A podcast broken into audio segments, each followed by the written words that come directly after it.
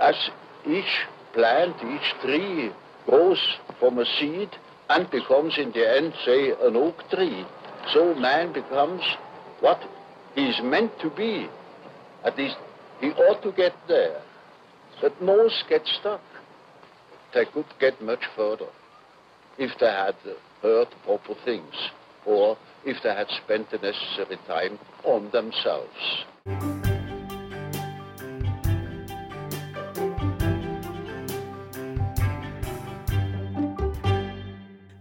Till Jungpodden. Vi som gör den heter Rolf Wrangnert. Och Katarina Baldo Sagado. Vår podd är Sveriges kanske allra smalaste. Om livets stora frågor. Jungpodden stöds av Svenska C.G. Jung-stiftelsen i Stockholm. Men du som lyssnar kan också bidra. Och gör det. Swisha ditt bidrag till 070 543 8208. Det här avsnittet nummer nio handlar om en av vår tids största nyheter. 70 plus. Alltså det oerhörda faktum att människan, åtminstone i de rika länderna, på kort tid har fått ungefär 20 år till att leva. Och det handlar ofta om 20 friska, aktiva år. Och under åtminstone en del av dem behöver många av oss inte ens yrkesarbeta för att försörja oss. Det var Carl Gustaf Jung själv ni hörde i början. I ett klipp från en berömd tv-intervju gjord i juli 1955 av BBC-journalisten Stephen Black. Precis som ekollonet vet att det ska bli en stor ek. Precis på samma sätt kan människan bli det hon är ämnad att vara ifall hon ägnar sig åt sin egen utveckling. Det är så han beskriver sitt begrepp individuationen, som vi snart ska prata mer om. Ja, det finns också en spännande koppling mellan individuationen och buddhismen. Vi återkommer till det i slutet.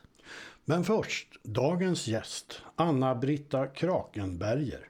Vi bad henne presentera sig själv. Jag är eh, arkitekt. Jag är 71 år i år.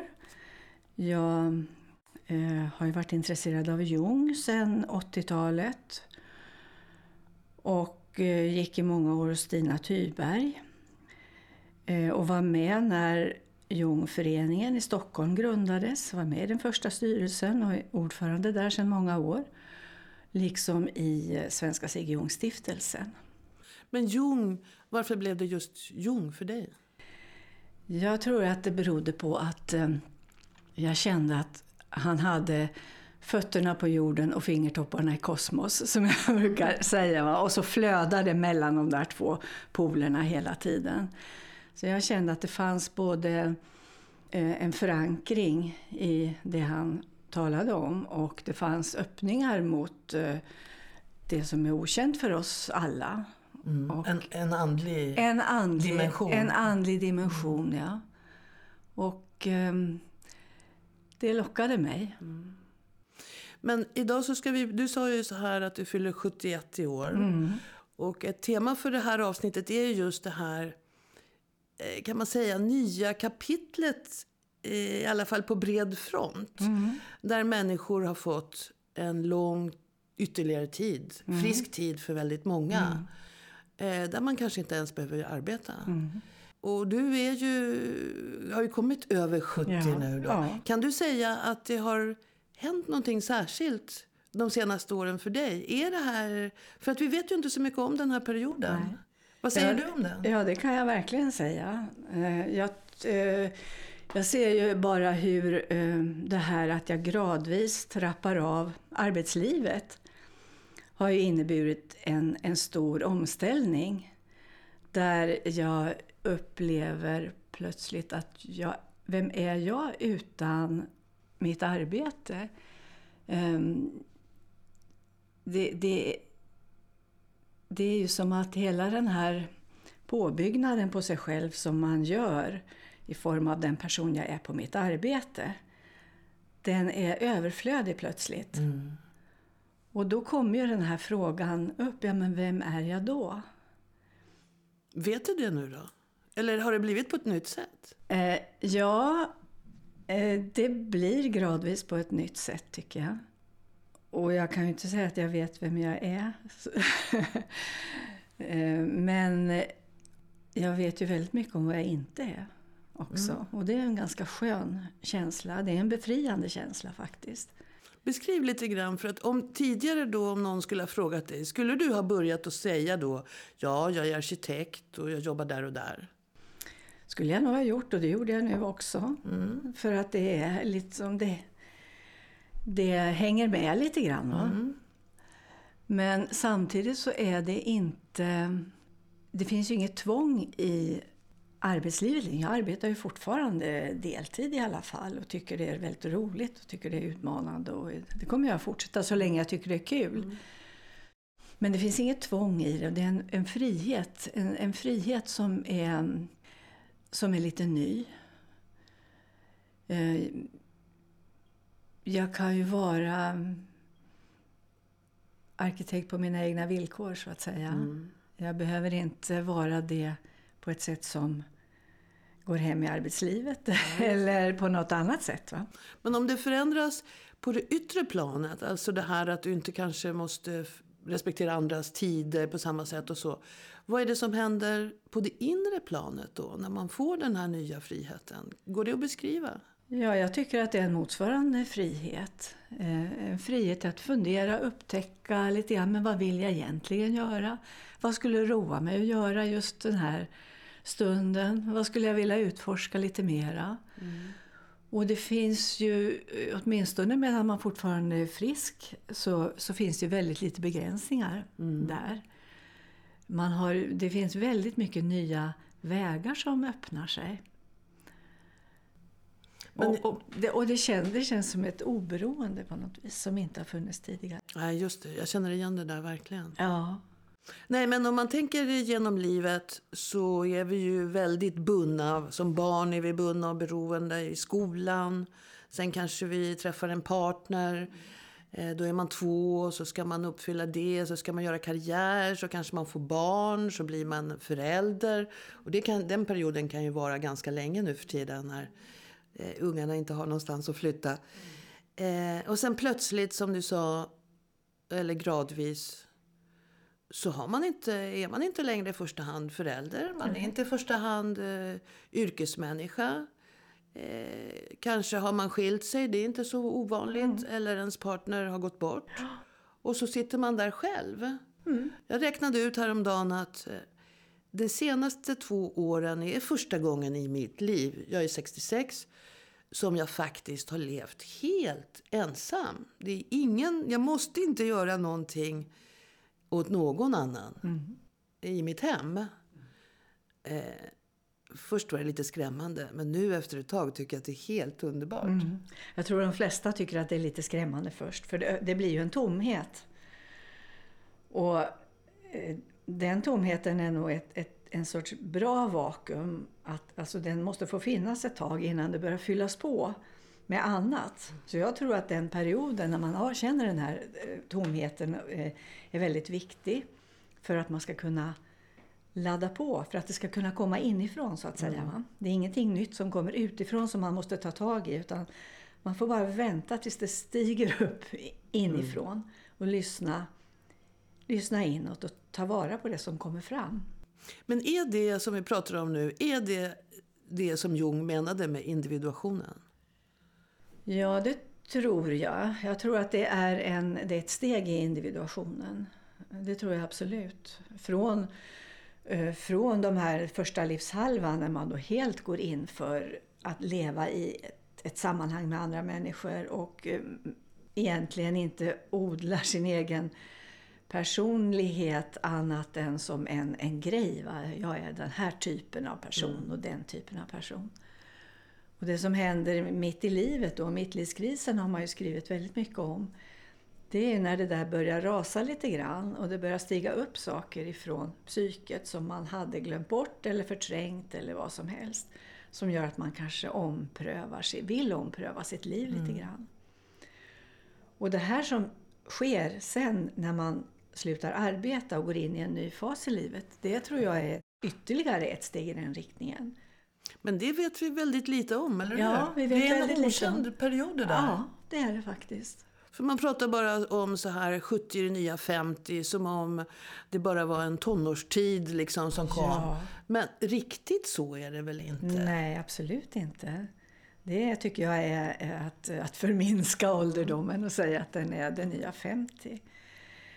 Jag tycker att det här det är verkligen en tid när man kan fördjupa sig på ett sätt som man absolut inte kunde göra när man var 50.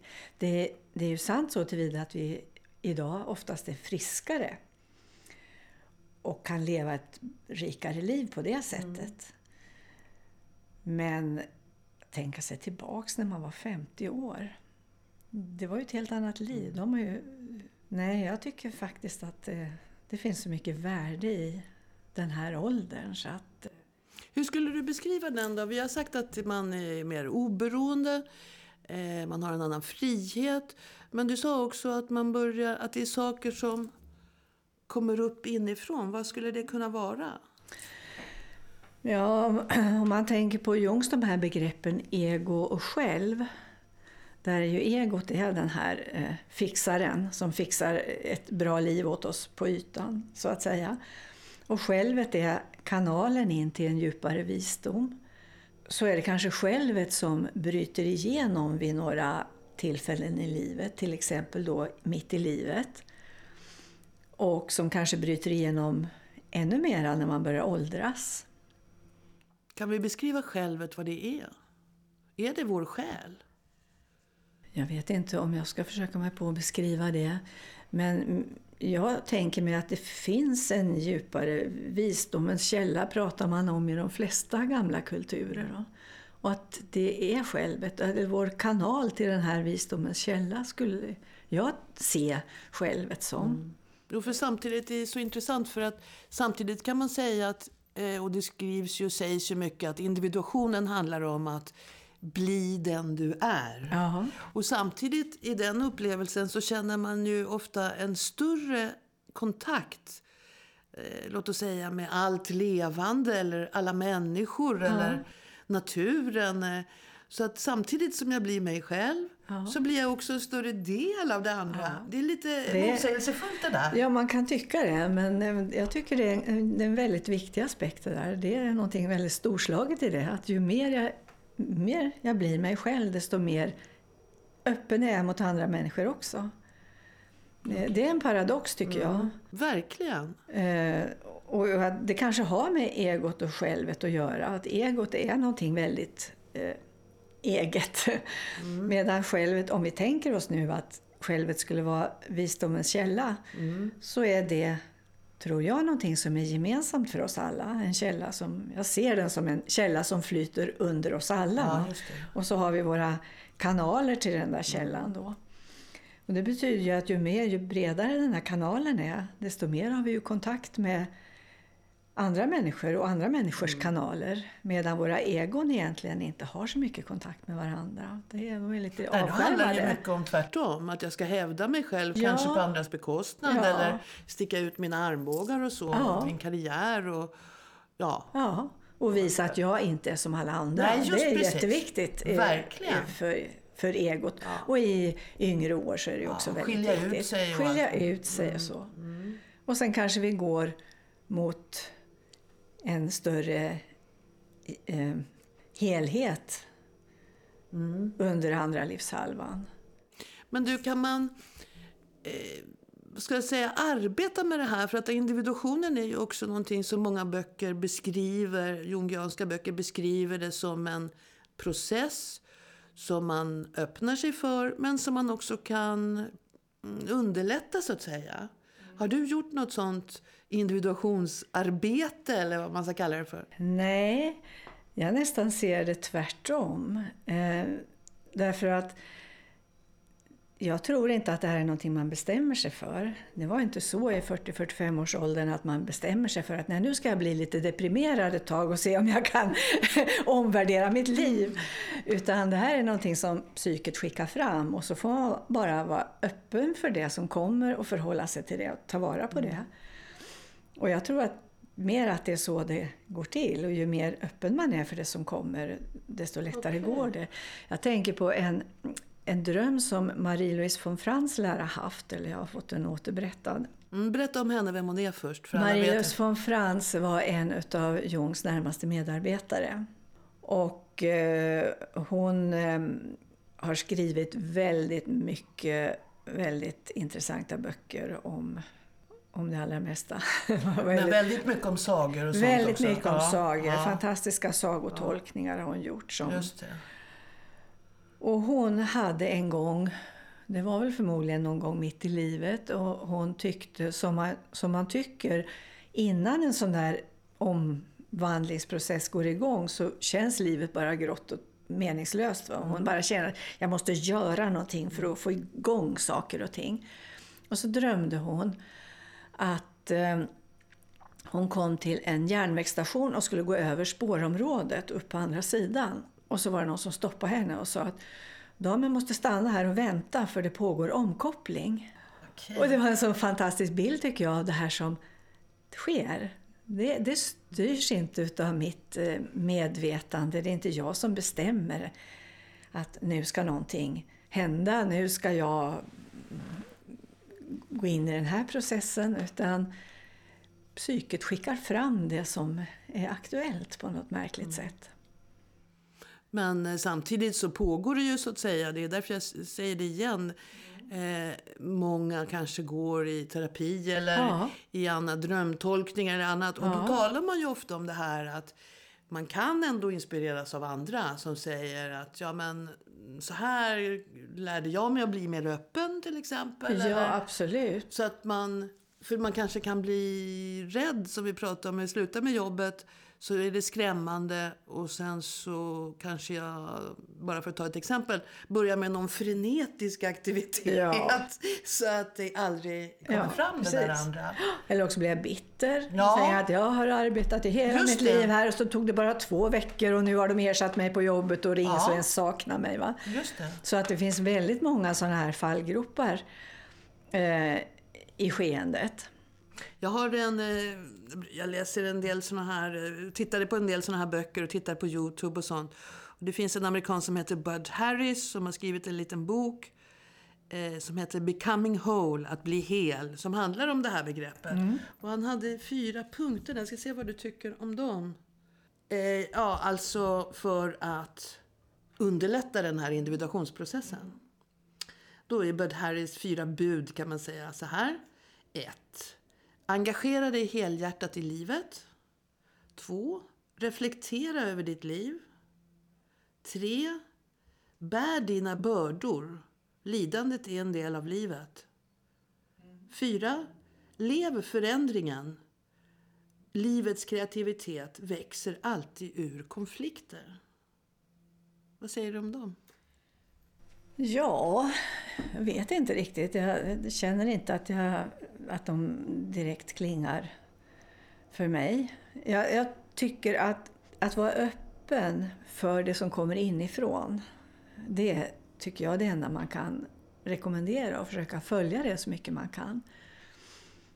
Lev livet, vad var det han sa? Ja, lev livet. Lev, engagera dig helhjärtat i det. livet. Ja, det är klart. Och det kan man göra på många sätt. Det kan man göra genom att bli, som du sa, frenetiskt aktiv med mm. någonting. Så då handlar det mer om på vilket sätt engagerar man sig mm. helhjärtat. Eh, gör man det i det som kommer upp inifrån, mm. Eh, så klart att då hjälper man ju hela processen på traven. Till exempel genom att försöka minnas sina drömmar? Eller? Ja, Absolut. Gör, gör, du det? Jobbar du med dina drömmar? Eh, det gör jag. Det gör jag. Okej, okay. skriver du upp? Nej. Men du minns dem i jag minns dem, jag minns dem inte alltid. Men eh, ibland minns jag dem och ibland är de så påtagliga så jag känner att jag bara måste. Mm. Jag bara måste försöka förstå vad det här är. Mm. Och det är en väldig hjälp. Mm. Men sen är det andra det här att, eh, apropå att bli, inte bli bitter. Mm. Det, den här synen, det är ju en eh, ganska mm, hård nöt kan man tycka så här. Om det nu är så att jag faktiskt fick sluta med ett arbete på ett tråkigt sätt. Och det är inte ovanligt Nej, idag. Absolut inte ovanligt. Och jag kan inte släppa det här. Jag är väldigt ledsen för det. Eh, Då är det ju ganska kanske magstarkt att säga släpp det bara. Eh, vad är din rekommendation där? Vad tycker du? Ja, om jag skulle bara tänka från mitt eget perspektiv Ja. så att säga. Så skulle jag nog ändå eh, vilja fundera över hur mycket värde jag har lagt i min egen roll, som, i min egen roll i arbetslivet. Har jag gjort det till en för stor och viktig del för mig själv? För inse att den, det är inte så märkvärdigt. Jag har levt ett liv som har varit som har rymt mycket mer än mitt arbetsliv. Och vad ska de göra på jobbet? Det är klart de måste ersätta folk som slutar. Det finns inget annat val. Va? Så hela den där processen skulle jag vilja se som någonting opersonligt som händer. Som jag inte ska ta till mig och bli förorättad för. Nej, det handlar om att se det på ett annat sätt. Se det på ett annat sätt, ja. Och det kan ju också vara magstarkt. Men... Det kommer lite av sig själv också tycker jag. Jag tar ett exempel från mitt liv. Jag tycker att jag har mm, hållit fast vid en massa saker ur det förflutna. Ja. Som jag har laddat till exempel olika föremål i mitt hem. Ja, Det här var min mammas. Ja. Hon är död sedan 15 år. Det här var det och det här var det. Upptäckte jag för inte så länge sedan att herregud, laddningen är borta. ja, Inte helt och hållet kanske, men plötsligt har jag skänkt bort en massa saker till Lions och blev överlycklig när de blev glada för nu skulle det komma andra till nytta. ja. Och jag upptäckte att de hade tjänat ut sin roll om man säger så. Och det var ingenting jag hade bestämt som du säger.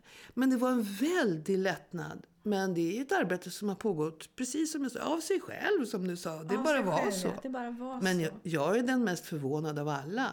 För att det, mina barn har hånat mig alla med mamma, släpp den där grejen och vi har blivit osams nästan. Ja. Och plötsligt så var det jag som gav bort det bara. Ja. Alltså jag har tänkt på att eh, jag, jag tror att den här åldern också för med sig att man får ett annat förhållande till materian. Eller ma- ja, materialismen eller vad jag ska kalla det för. Då. Att saker och ting, saker och ting får inte lika stor betydelse längre. det är sant. Jag tror att många börjar sitt pensionärsliv med att göra en rejäl sån här storstädning och rensa ut. Och jag tror att många är mycket mer tillfreds med vad man har. Det behöver inte vara märkvärdigare än Nej, det som just är det. just nu. Så man, man har inte den här fokuseringen på det materiella riktigt på samma sätt. Det är inte så bra för konsumtionssamhället. Nej, jag tänker det ibland faktiskt. Hur ska det gå? Men det är hållbart. Ja, Eller hur? ja. Men det var ju också någonting som jag hittade som Jung sa. Nu ska vi se om jag hittar det då. Att han, apropå arbeta eller inte. Vi ska se. Det är inte vi som väljer vår väg. Utan vår väg som väljer oss. ja, men det var intressant. Och det sa Jung tydligen enligt vad jag läste i en bok angående, han, han tog exemplet med Saul i Bibeln, du vet, Ja. som blev Paulus. Ja, Och Saul var ju den största kristendomsjagaren. Alltså han skulle jaga de kristna. Och ni vet den här berömda vägen till Damaskus. Eh, Jag skrev upp vad det står i Bibeln faktiskt. Men när han var på väg till Damaskus och närmade sig staden var det plötsligt ett ljussken från himlen som strålade omkring honom. Och han föll till marken och hörde en röst som sa Saul, Saul, varför förföljer du mig? Och han frågade Vem är du, Herre? Rösten svarade Jag är Jesus, den du förföljer. Res dig upp och gå in i staden och där ska du få veta vad du måste göra. Men som jag uppfattar så är Saul här inte i 70-årsåldern. nej det är han inte. Han är yngre. Ja. Men det är ändå någonting som knackar på Ja. i hans liv. Ja. Och han är inte jättepur ung utan han är ju sin kraftsdagar här. Ja. Och hela hans liv vänder om. Och han, man kan säga att hade det inte varit för Paulus så hade kristendomen aldrig överlevt och blivit så här stor. Nej. Så att hans roll är, går inte att övervärdera helt enkelt för kristendomen. Och det var en person som gjorde precis det motsatta förut. Mm, Det här skulle man väl också kunna säga är ett tecken på ett steg så att säga på den här individuationen. Men här kommer det väldigt dramatiskt. Där kom det väldigt dramatiskt. Men, men jag, jag tror att det han gjorde där, att han, det är ju en bild för att han faktiskt fick lyssna till sitt inre och följa det som kommer inifrån. Det har man inte riktigt råd att göra när man är 30-35 år och är mitt inne i karriären. Va? Man kanske börjar göra det någon gång mitt i livet men som pensionär så har man plötsligt både råd och tid. Och nu menar jag inte ekonomisk råd så, eller, men man har möjligheter på, på ett helt annat sätt. Man har inget i det yttre livet att förlora egentligen. Så du menar att eh, det här som vi pratar om, änglar som, eh, som talar till oss, mycket väl kan vara våra inre röster? Ja. Som i mytologisk form i vår kultur har tagit former av änglar. Ja, det kan jag tänka mig. Det kan vara. Och då gäller det att lyssna till dem då. Ja, Det är ganska spännande. ja visst. Men är, samtidigt så är det ju svårt det där med lidandet tycker jag. Alltså har man nu blivit, gått ner sig väldigt mycket och blivit väldigt eh, ja, bitter som du sa eller deprimerad kanske till och med eller slutat att sova och så. Då det kanske låter det väldigt överlägset av oss att säga ja det är bara nyttigt. Ja, det gör det. Och så, får man ju inte, så vill man ju inte säga till någon människa heller. Och lidande och depression kan ha så många olika orsaker också. Men jag tror att ett visst mått av depression hör till i inledningen av en omvandlingsprocess. Annars skulle den aldrig komma igång. Det är den som man känner att det är inte riktigt bra som det är nu, va? men jag vet inte vad det är för fel. Det är ingen rolig tid. Och eh, man har inte så mycket energi i det yttre livet. Och Stina Tyberg brukade säga att då har energin dragit sig in inombords. Den, den psykiska energin jobbar med det här nya som ska komma Ja, just det. fram. Eh, Och därför känns det så grått och, och trist. Brukade kallas för den prekreativa depressionen. Ja, just det. Det tycker jag är ganska roligt för det kan man använda som lite tröst åt sig själv de där dagarna som känns väldigt gråa.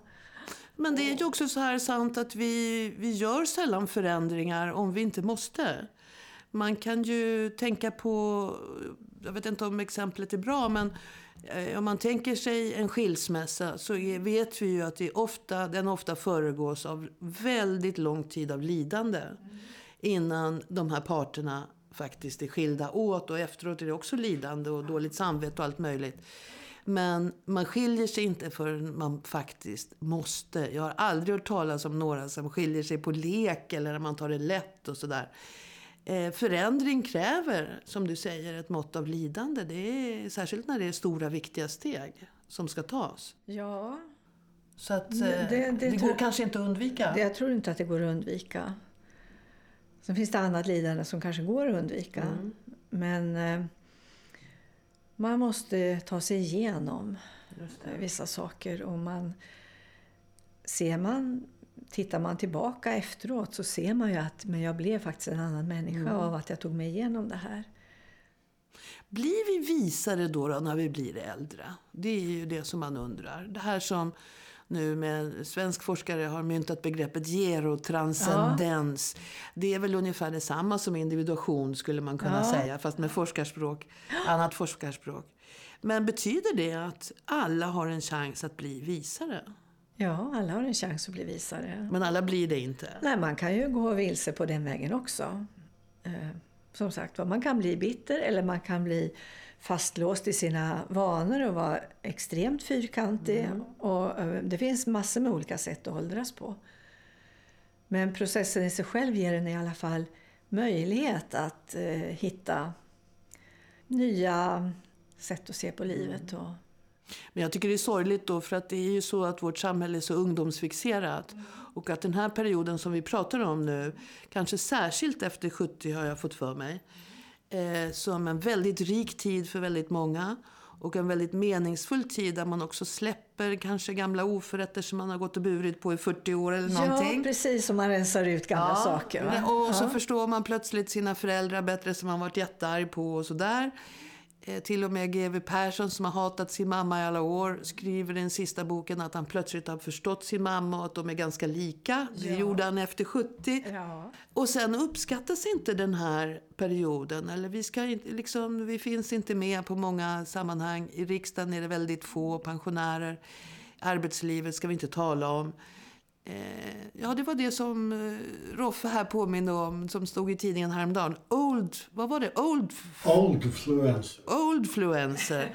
Alltså istället för influencer, att äldre nu skulle kunna bli eh, användas på i ja, kommunikationssammanhang och så. Därför man faktiskt uppvärderar erfarenhet. Men vi har inte sett mycket av det än, eller hur? Det har vi inte gjort. Och det kanske är så att eh, vi inte är intresserade heller av att eh, delta i eh, samma typ av liv som tidigare. Mm. Det kanske är så att det inte finns eh, riktigt utrymme för ett liv där man eh, värderar annat. Alltså vi har ju inte kanske lust att ställa oss på barrikaderna alltid eller eh, synas för vi har inte det behovet. I så fall ska det vara för någonting som är helt utanför oss själva. Mm.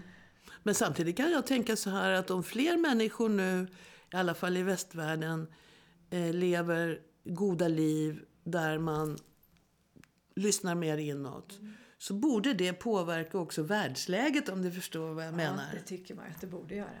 Ja, men skulle det inte göra det egentligen om, om jungiansk teori stämmer? Då borde ju större delar av det omedvetna bli medvetet och kunna hanteras på ett mer medvetet sätt. Vi får se, hörru. jag, jag vågar inte uttala mig om det. Eh, jag tror att det finns, eh, det kan man ju också fundera över, men det vi ser idag utav polarisering, där vi kanske mest ser den här högerpopulismen som just stiger fram väldigt tydligt. Men den har ju en motsvarande motpol mm. utav någonting som kommer ur helt andra källor. Absolut. Som inte är riktigt så bra formulerat än. Men som kanske kommer fram bättre med tiden som en sorts respons på mm. högerpopulismen. Ja, jag tänker återigen på vad vi har haft med det citatet förut i vår podd det här med att Jung säger, jag kommer inte ihåg ordagrant nu, men ungefär så här att den riktigt stora läxan så att säga framåt är att vi vet alldeles för lite om människan. Och det är människan som, som släpper alla bomber eller ser till, skapar alla konflikter. Det är inte bomberna i sig, utan det är människans inre. Och att det är det som vi måste veta mycket mer om för att hantera de konflikter som finns och alltid kommer att finnas på ett klokare sätt. Mm.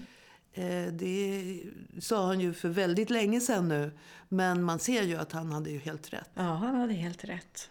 Och jag vet inte varför den rörelse som man ändå känner finns som en motpol till populismen åt ena hållet och som då inte är populism åt andra hållet utan som grundar sig i ehm, människovärde och en annan typ av värderingar som mera kommer ur den här upplevelsen av att vi har samma källa på något vis. Vi har mm. tillgång till samma källa allihopa. Den är inte särskilt starkt formulerad men jag tror att den finns i medvetandet hos väldigt många mm. människor. Mm.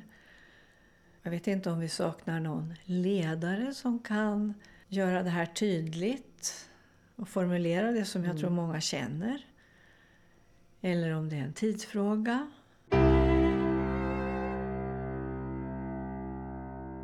Poeten Rainer Maria Rilke har skrivit en dikt som jag tycker uttrycker vad det jungianska individuationsbegreppet handlar om.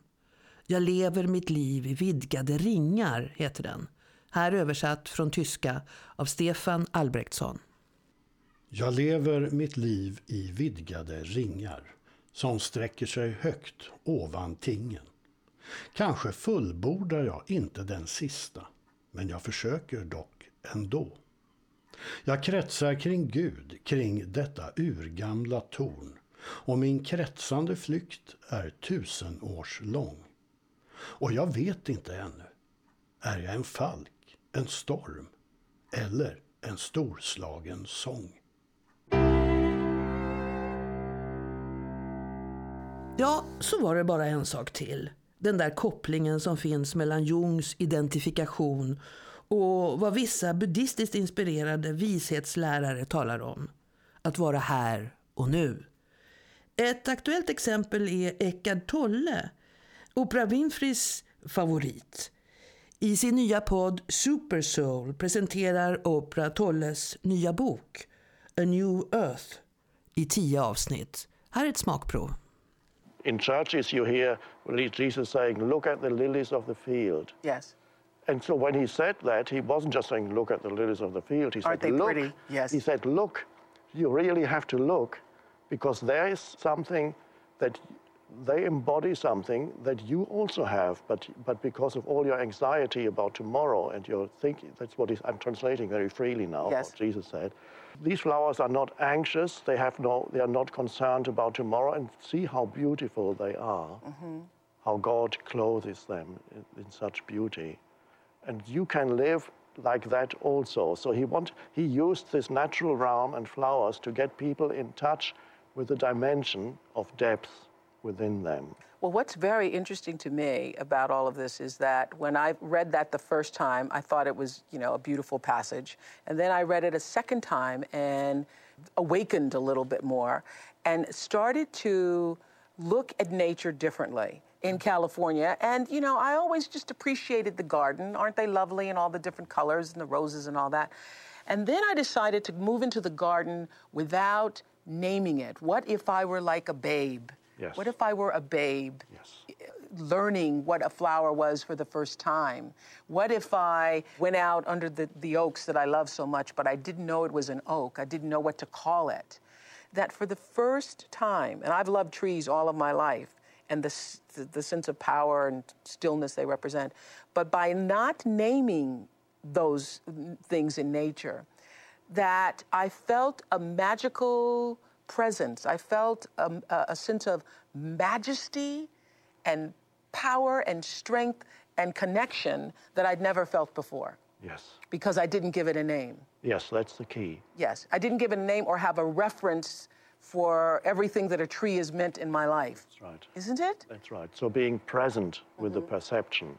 And this, this theme runs, is perhaps the main theme running through the whole book, is that, that state where the compulsive naming of things, and you start with nature because that's easier to let go of the naming. Mm-hmm. Later, we'll be talking about that in some Yeah. future Stop labeling people. Yes, that's more difficult because people invite the labels. Yes, yes. Because there's so much mind in everybody, and they label you and you label them. So, but with nature, this is the starting point to find a different relationship to nature. It doesn't mean that you need to forget what you have learned about trees or about flowers. When it's Mm-hmm. necessary, you can get that knowledge and you use it Right. but to ha- not to be totally in the grip of what you have learned of mental labels, of interpreting mentally, but being able to perceive. One could call it perceive the flower, see it through a background of just stillness.